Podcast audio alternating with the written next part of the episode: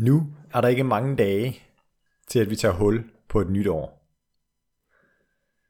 Et nyt år, der byder på spændende oplevelser, udfordringer, glade dage, triste dage. Det er i hvert fald et nyt år, der ligger og venter foran os. Og når det er, at vi springer ind i et nyt år, jamen så giver det også mening at kigge tilbage på året, der er gået, året, der gik.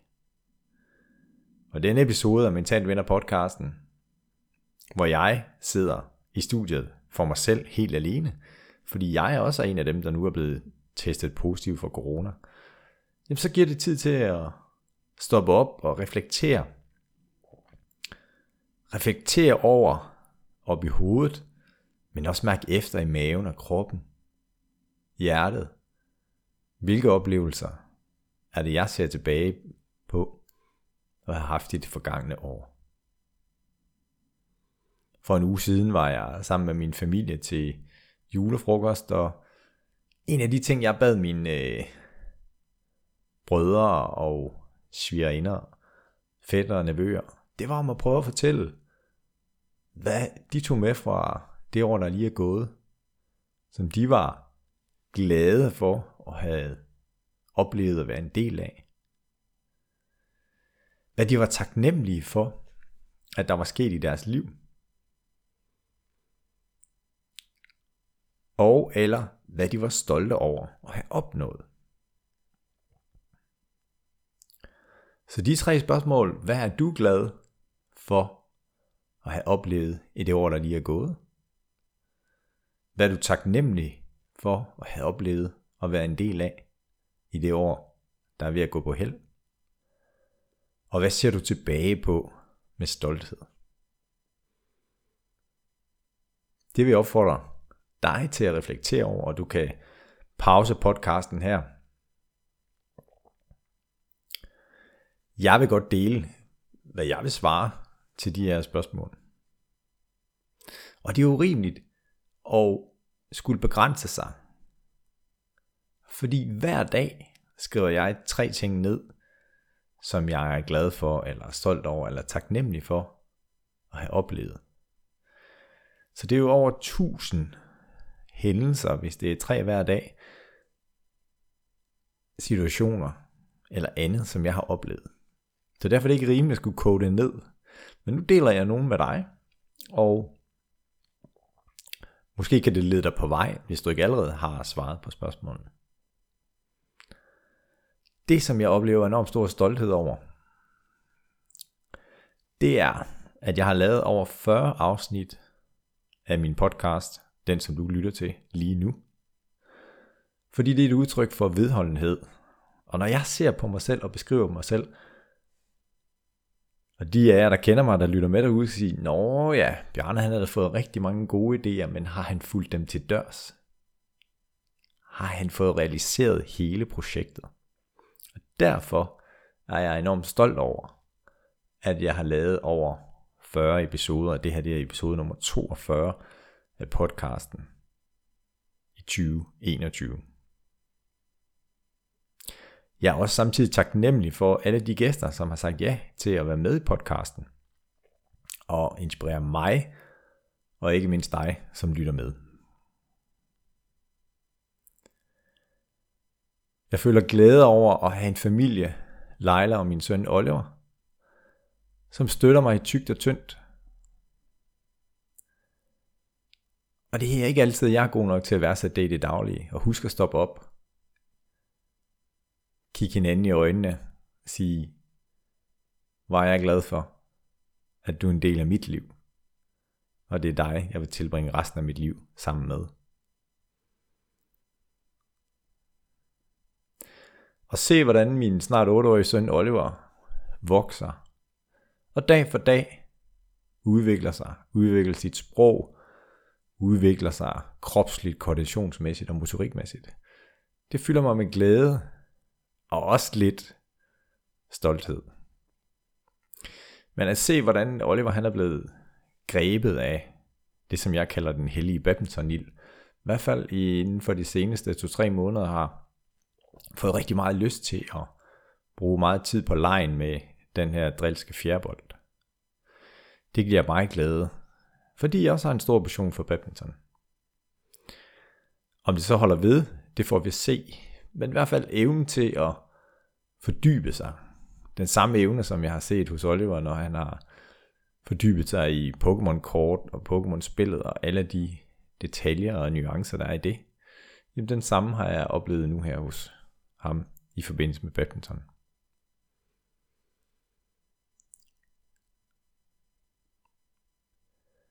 Der er mange oplevelser. En anden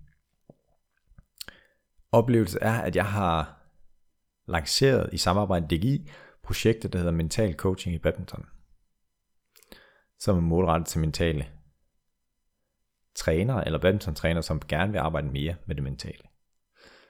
Og i den forbindelse vil jeg gerne sende en tak til Ron Daniels, som faktisk var manden, der fik sået de første frø, afledt af coronakrisen, til at jeg holdt et øh, forløb for hollandske trænere. Så det er et projekt, som jeg har haft i skuffen eller i støbeskeen gennem længere tid, netop at give trænere flere mentale værktøjer. Jeg er i gang med det første danske hold lige nu her, og vi har to undervisningsgange tilbage, som starter her i det nye år.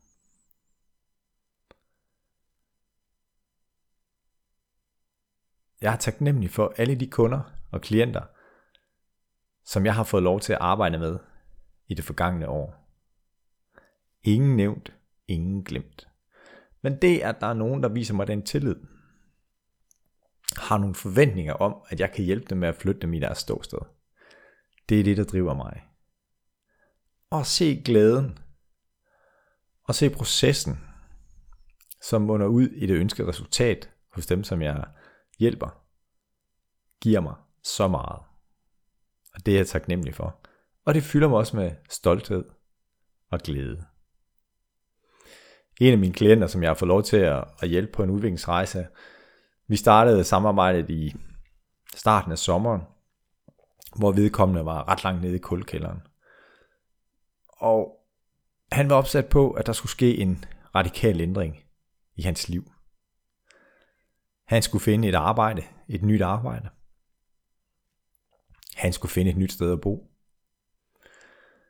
Og han var ramt rent følelsesmæssigt i forhold til sit kærlighedsliv.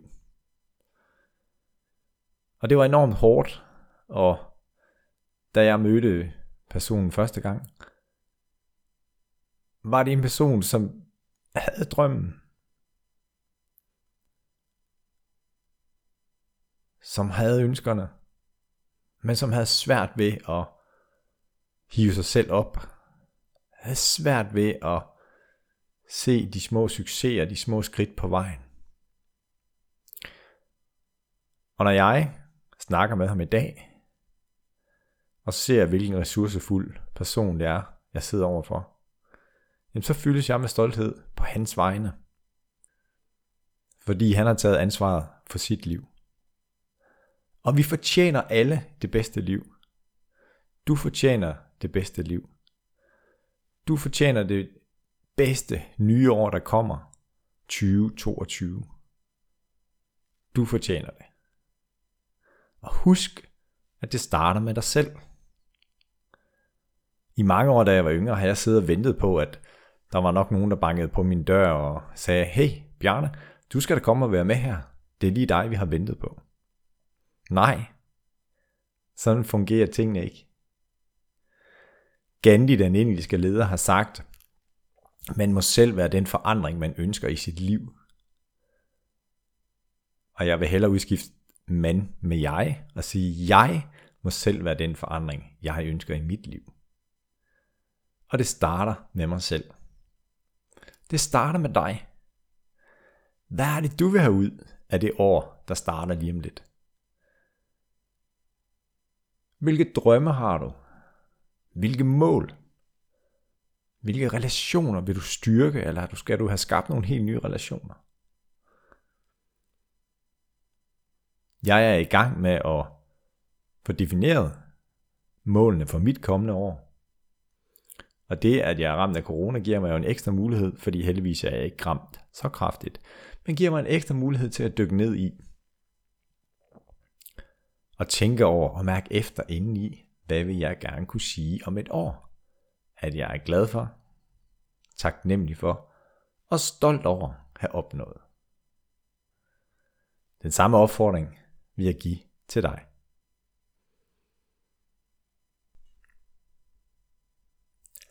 I mit online kursus i personlig udvikling, kurset hedder Bliv en mental vinder, er en af tingene, som jeg bruger, det der hedder livshjulet. Livshjulet indeholder otte delområder af dit liv.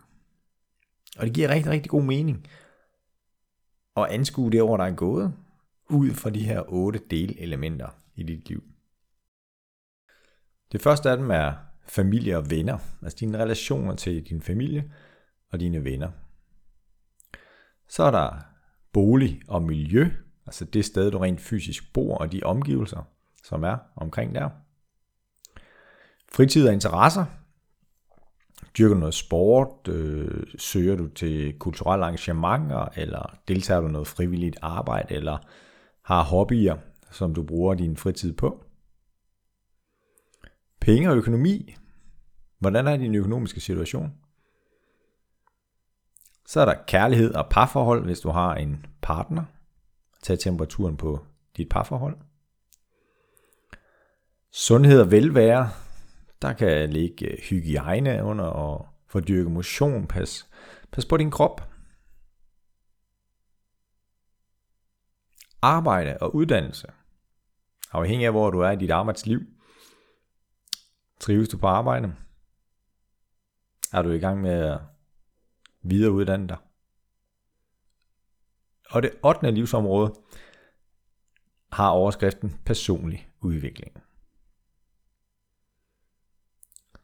Så tag temperaturen, eller prøv at give de enkelte livsområder en karakter på en skala fra 1 til 10, hvor 10 er det optimale, perfekte, og 1 er, holdt det op, det er godt nok ikke særlig godt. Se tilbage på hvor det gik, og sæt nogle mål op for, hvordan skal det gerne se ud i det kommende år. Scorer du okay højt på alle de otte livsområder, eller er der nogle af dem, der ikke får så meget opmærksomhed? Samtidig kan du også bruge livshjulet som en rettesnor for, hvordan dit næste år, det år vi går ind i, skal forløbe. Hvilke af dine livsområder skal have øget opmærksomhed i en periode. Det kan måske være i første kvartal. Og der kan være andre, som egentlig bare skal holdes ved lige og bevares status quo. Er du nysgerrig på at se, hvordan livshjul kan hjælpe dig, jamen så tag et kig på mentalvinder.dk's hjemmeside.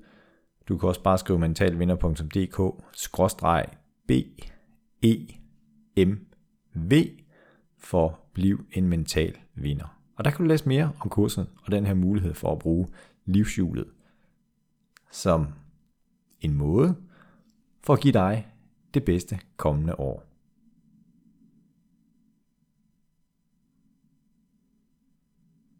Med de ord, så vil jeg ønske dig rigtig, rigtig godt nytår. Jeg er taknemmelig for, at du lytter med, og jeg håber, at du også vil følge med i podcasten i det kommende år. Vi høres ved.